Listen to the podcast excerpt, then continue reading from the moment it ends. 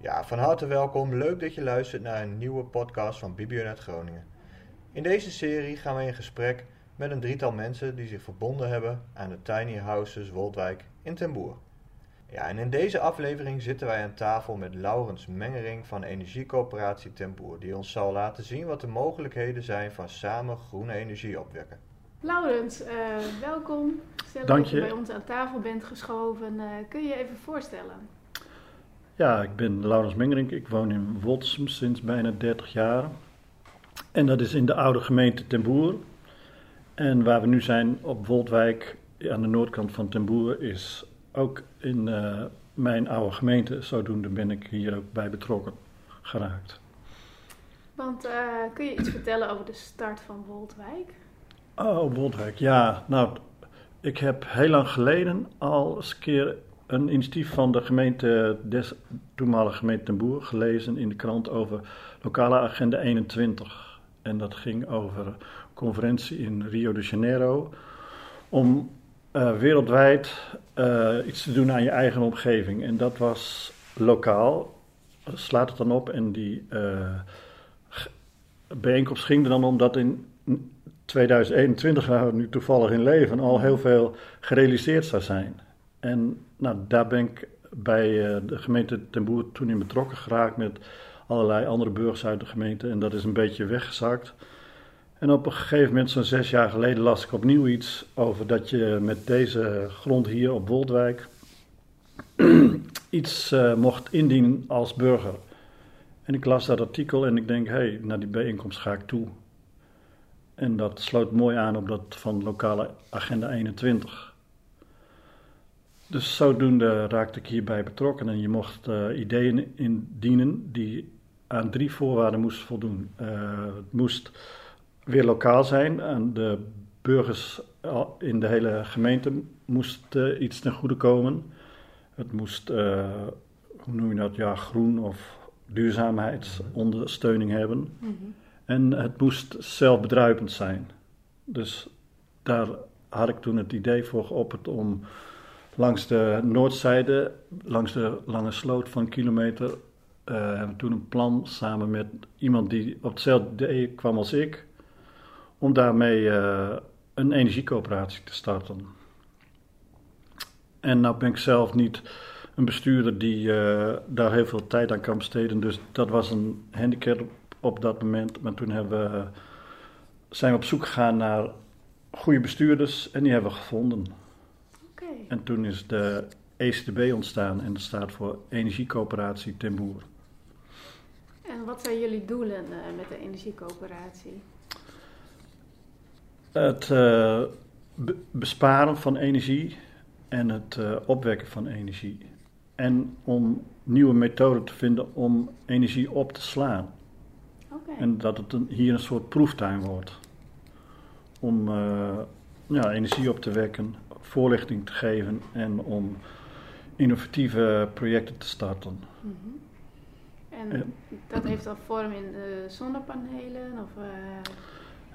Het initiële was dat we zonnepanelen gingen leggen, maar het ambitieuze was van de kilometer van de ene kant naar Sint-Anneweg tot aan die kant. Dat was een beetje groots in het begin. Maar toen hebben we hier het dak gevonden van de Kalverstal. En daar konden 177 panelen op en die hebben we gelegd als eerste opstartproject. En daar konden uh, verschillende. Kon iedereen uit de gemeente kon daar panelen uh, neerleggen om in te investeren als belegging of als uh, aandeel. Ja. Een certificaat, energiecertificaat, een zonnecertificaat. En dat brengt een uh, beter rendement op dan op de bank. Mooi. Als je daar je geld uh, in spendeert. En dat geldt dus niet alleen voor de mensen die hier nu wonen op Woldwijk, de tiny houses, uh, maar de, mensen uit het dorp of uit de omgeving kunnen daar dus ook een aandeel in hebben. Ja, juist. Want toen waren er nog geen bewoners op Woldwijk toen wij dit plan hadden. En momenteel zijn er ook nog geen bewoners van Woldwijk die panelen hebben op het dak hier. Het zijn, meest, uh, zijn nu 15 deelnemers. En die komen uit de hele oude voormalige gemeente Ten Boer. Bijvoorbeeld ook uit Woltersum. Er zijn er sowieso drie deelnemers. En zou je ook mee kunnen doen als je in een andere gemeente woont? Of? Uh, dat zou kunnen, maar het, het is gekoppeld aan een subsidieregeling die heet postcode roos Mhm. regeling. En die is nu net per 1 januari afgeschaft. Maar dat hield in, want onder die voorwaarden loopt dit project nog wel, 15 jaar. Maar je hebt een postcodepunt en daaromheen zijn een aantal postcode roos of een post, aangrenzende postcodegebieden die eh, mogen deelnemen aan die regeling. Hmm. Dus zolang je daarin valt, mag je meedoen. Of mocht je meedoen, want nu komt er een eh, soort echte aandelensysteem. Mhm. wat, je, wat ook langere tijd gaat lopen, wat dan gegarandeerd is. Maar dat heeft, biedt meer vrijheden. Je kunt dan ook je. Dan hoef je niet in de gemeente te wonen. Je kan ook in eh, Zuid-Limburg wonen, bij wijze van spreken. Dus dat eh, zijn andere voorwaarden. En dus ook niet eh, gelimiteerd aan hoeveel certificaten je afneemt. Maar wat, wat is dan de reden dat de, de tiny house bewoners hier eh, er nog geen gebruik van maken? Ah, ja. Eh, Die, het project was eigenlijk al min of meer gestart. En de, de hoeveelheid panelen die we konden vergeven waren toen al eh, vergeven. Maar nu hebben we een onderzoek laten doen met de Hans Hogeschool, een vijftal studenten. En die hebben een onderzoek gedaan wat de haalbaarheid zou zijn om de mensen die hier op Woldwijk eh, los te krijgen van het gasnet. En dat is een eh, dermate onderzoek geweest waaruit naar voren komt dat dat een haalbaar iets zou zijn. Oké. Dus dat willen we nu graag gaan opzetten. En ik mag daar eh, veel ondersteuning aan bieden. Ja, want ik neem aan dat de bewoners hier daar ook gewoon wel echt wel behoefte aan hebben. Hè, in het kader van duurzaam wonen. Ja, precies. Het zou een mooie aanvulling zijn. Als je Ja. helemaal los van het net kan, dat is toch... eh, Ja, dat is iets waar je met z'n allen naartoe wilt werken. Ja. Dus dat, gaan we, dat plan gaan we uitwerken. Wat is daarvoor nodig? Want de, de boerderij, eh, het dak is vol. En eh, wat zijn de volgende stappen die je dan moet eh, nemen? Nou, we kunnen opnieuw eh, zonnepanelen eh, leggen. Mhm. En we zitten hier met de boerderij. en daar is een planning voor dat daar een eh, nieuw dak op komt. En er zit nu asbest op. Mhm. Maar dat zou eh er af kunnen. En dan zou je op datzelfde dak op de zuidkant eh, panelen kunnen leggen die weer elektriciteit opwekken. En je zou een windmolen kunnen plaatsen. En daar hebben we ja, wel een, een locatie voor waar dat hier zou kunnen. Op het bouwblok. Want als je op het bouwblok van de boerderij bouwt, dan eh, kan dat met weinig eh, bureaucratische romslomp. Ja. En voor die investeringen, eh, ondersteunt de gemeente daar ook in? Zijn er subsidies voor? Of hoe, wat is het plan daarvoor? Ja, dus die, je hebt dan die nieuwe opvolg van de postcode roosregeling, waar je subsidie uit kunt halen om, dat, om je doel te bereiken. En je maakt een business case waarin mensen eh, een vergoeding voor de panelen afdragen. Mhm. Een initiële vergoeding om het eerste jaren gelijk de aanschaf te kunnen doen en daarnaast een jaarlijkse vergoeding Oh ja. per paneel per deelnemer. Oké. En eh, nu hebben we het vooral over wat, eh, eh, wat er te doen staat en wat er is gebeurd. Maar ik ben ook eigenlijk heel benieuwd waarom. Wat, wat, zijn jouw persoonlijke beweegredenen geweest om hiermee te beginnen en dit in stand te houden? Oh ja, ja dat ligt in mijn eh, eeuwige historie zou ik kunnen zeggen. Dat is al eh, in een vroeg stadium van mijn leven begonnen. En nou, ik heb altijd, energie heeft altijd veel mijn aandacht gehad. Ik heb ook eh, twee jaar in de woestijn mogen wonen, waar ik een tuinbouwkas heb mee ontwikkeld die zorgt dat je nou, tomaten midden in de woestijn kunt verbouwen. Doordat je eh, de zon opvangt en door een geïsoleerd dak.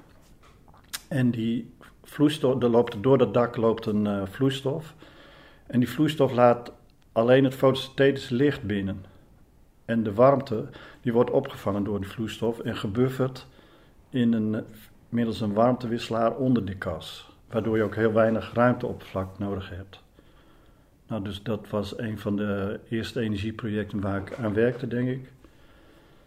En vervolgens uh, kwam ik weer terug en toen heb ik, was ik uh, betrokken bij de jonge onderzoekers waar we een windmolenvereniging gingen opzetten. Want dat was na de tijd van de oliecrisis in de 70, begin 70 jaren. Had je al heel veel mensen die hadden zelf uh, windmolens ontwikkeld. En die hebben we met elkaar verenigd om kennis uit te delen. Om te delen. En uh, ja, daar kwamen weer nieuwe molens uit voort. En dat was toen een hele actieve beweging.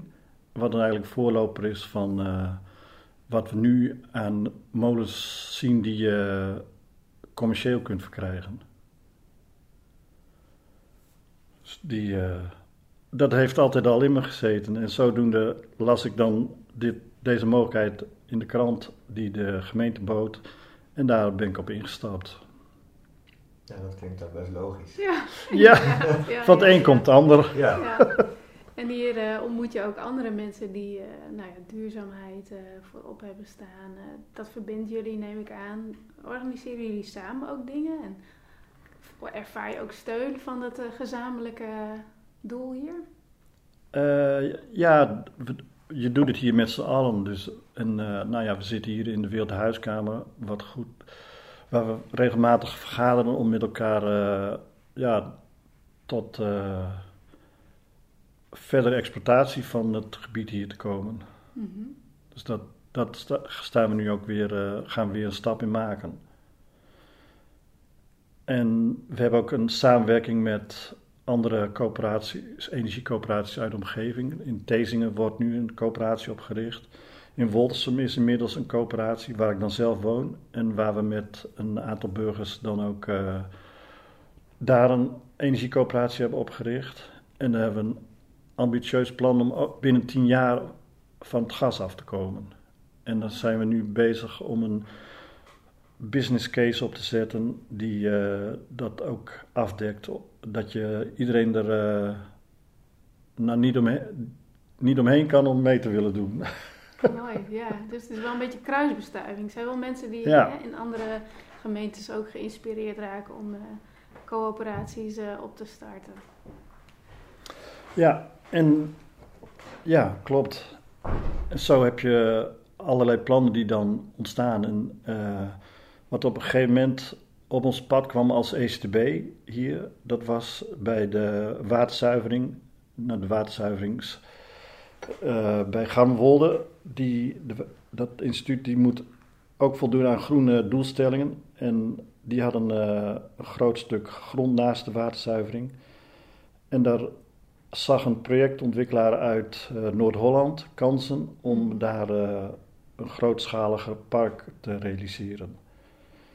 En wij werden daar uh, zo'n uh, organisatie die is verplicht om ook de bevolking lokaal uh, bij te betrekken. En zodoende kwamen ze uit bij de ECTB en dan zaten we mee aan tafel samen met het waterschap, Ecorus zoals het bedrijf heet, en de ECTB met z'n drieën. Maar inmiddels heeft het waterschap zelf genoeg voorzieningen gevonden waardoor zij hun te behalen doelstelling kunnen realiseren. Maar we zijn nu met twee partijen over en omdat het aardig grootschalig is, het is uh, zo'n 90 hectare wat daar belegd wordt. En wat Ecorus op een hele mooie manier uh, heeft laten schetsen hoe het eh, eruit kan gaan zien. Maar wij zijn natuurlijk als ECTB vrijwilligers en uh, ja, dan stap je niet zomaar in zo'n groot project. Dus wij hebben daarvoor een nieuwe partij gevonden en dat heet Bronnen van Ons. Mhm. En dat, die ondersteunen vanuit de Groningen Power, de GREC en de Natuur- en Milieufederatie. Zijn, die zitten daar alle drie vertegenwoordigers in. Die ons daar uh, in het project steunen. En, zodat we daar een, uh, ja, een goede tegenhanger met zo'n projectontwikkelaar eh, kunnen eh, realiseren. Mooi. En we zijn dus voor 50% eigenaar. En de andere helft is Ecorus. Hm. Zo werd de nu opgezet. En daar is ook weer de bedoeling van dat ja, de omgeving mee profiteert van wat daar gebeurt. Ja. En daarom ontstaat ook een acceptatie. Ja, daar wil ik, daar wil ik eigenlijk eh, Oh ja. vragen van. eh, nou goed dat je het zegt, want eh, heb je ook, eh, krijg je ook geluiden die eh, het nog niet kennen en daardoor bepaalde vooroordelen hebben of die het er niet in zien zitten? Ja, er is inmiddels een één boerderij die is eh, uitgekocht, dus die, die, dat, dat valt dan weer weg. Maar je houdt wel bezwaarmakers over. En nou ja, daar moet je in goede orde mee om de tafel om daar uit te komen, hoe je dat dan oplost. En wat zijn dan bijvoorbeeld de gronden waarop het bezwaar wordt gemaakt? Je kunt je eigenlijk eigenlijk niet voorstellen of zo, maar. Ja, de- de- inderdaad, dat is. eh, nou ja, ik heb één iemand gesproken die woont aan de hoofdweg, de Rijksweg naar ten Boer. En die had bijvoorbeeld als argument: ik kan de auto's aan de andere kant van het Eemskanaal niet meer zien rijden. En dat vond hij altijd mooi. Maar in, na de bijna dijkdoorbraak van 2012 zijn de dijken enorm verhoogd. En ik ben dus gaan staan op dat punt. Maar je ziet alleen nog de topjes van de vrachtwagens. Dus dat argument wat al gaandeweg eh, dat we meer zeespiegelstijging krijgen, minder groot. Mhm. Dus dat argument zou wegvallen. En het mooie is dat Mark Rutte nu eh, de gedachte heeft om in de Eemshaven een eh kerncentrale te realiseren. En daarmee maakt hij de bewustwording van energieverbruik bij iedereen weer op een eh, hoger punt. Ja, Maar ik denk niet dat die centrale er ooit gaat komen. Maar het, ge- het geeft wel een bewustwording. Mhm. Dus ik ben heel blij met die opmerking van onze premier. Ja, ik, ik vraag me wel af van, eh, wat is jouw persoonlijke mening dan over de kerncentrale? Als, eh, ja, als ja. ondernemer in de zonnepanelen en eh, natuurlijke energiebronnen. Ja, ja als vr- vrijwillige ondernemer. Ik heb inderdaad een eigen bedrijf. In, eh, ik ben elektronicus en ik eh, heb een bedrijf dat onder andere eh, regelingen maakt voor windmolens voor tot 15 kilowatt. Maar kerncentrales, ja, dat lijkt me op zich om eh, kernsplitsing te doen, lijkt me niet zo'n heel goed proces, omdat je daar lange tijd eh, radioactiviteit aan overhoudt en heel veel investering kost om het te bouwen en heel veel geld nodig hebt om het afval later te kunnen verwerken. Maar wat me wel een goede oplossing lijkt in de vorm van kernenergie is kernfusie. Mhm. Want daar heb je nagenoeg geen radioactiviteit en bovendien is hij veel kortstondiger eh, actief. En je maakt eigenlijk een kunstmatige zon op aarde die eh, continu aanblijft. Je kunt het moeilijk regelen, maar als er wat mis mocht gaan, dan heb je geen eh, meltdown risico bijvoorbeeld. Het proces stopt uit zichzelf. Mhm. Oké. Het werkt net zoals de zon. Dus ik, daar, dat is iets wat ik, eh, nou, wa- waar ik wel achter kan staan. En wat we in 2050 waarschijnlijk eh, ook op de wereld zullen hebben. Het is nu op een aantal plekken in de wereld, minstens vier, waar dat op kleine schaal ge- mee geëxperimenteerd wordt. Bijvoorbeeld in de buurt van Marseille. Oké. Maar, en daar zit ook eh, Groningen bij betrokken van de Kernversnellingsinstituut. Ja. Maar dat lijkt me een eh, mooi iets, moet ik zeggen. Dat dat wel realistisch is om eh, met weinig gevaar, Mhm. maar ja, overal zijn gevaren bij, of je nou auto rijdt of waar dan ook, Mhm. dat dat wel iets zou zijn wat, eh, wat te realiseren is. Maar op korte termijn eh, zijn de coöperaties in bijvoorbeeld zonne-energie een eh, passende oplossing. Ja, het is inderdaad, er wordt altijd gesproken over de transitie. Nou, de Mhm. transitie is voor mij bijvoorbeeld naar eh, kernfusie. Mhm. Dat kan ik me heel goed voorstellen. Want dan heb je een heel groot van de energiebehoeften die we hebben opgelost. En ondertussen kunnen we besparen en dat we minder eh, energie nodig hebben. En effectiever mee omgaan wat we dan nu tot onze eh, huizen beschikbaar hebben. Nou ja, dat is eh, het Tiny House eh, project hier is daar natuurlijk een heel mooi voorbeeld Ah, van. Ja. Ja. Ja. Ja, Eh, even denken hoor. Zullen we toe gaan werken aan de toekomstwens? ja. Of eh, is het nog interessant om iets te vertellen over de gemeente en, eh, en hoe, hoe die jullie ondersteunt hierin? Hoe is het, hoe, ja, zeg maar, als je als burger met iets komt, eh, in hoeverre heb je die gemeente nodig, zeg maar? Ah, ja. Kun je daar nog iets over vertellen? Ja, nou ja, eh, we hebben het geluk dat we in het aardbevingsgebied wonen en dat we daardoor meer ondersteuning krijgen. En bijvoorbeeld eh, vanuit de GREC, de Groningen Energiekoepel. Want als ik nou even kijk naar onze situatie in Woltersum, dan hebben we da- daar eigenlijk een onmisbare ondersteuning van. Want we zijn nu een businessplan aan het opzetten en dat gaat al gauw richting de 2,8 miljoen.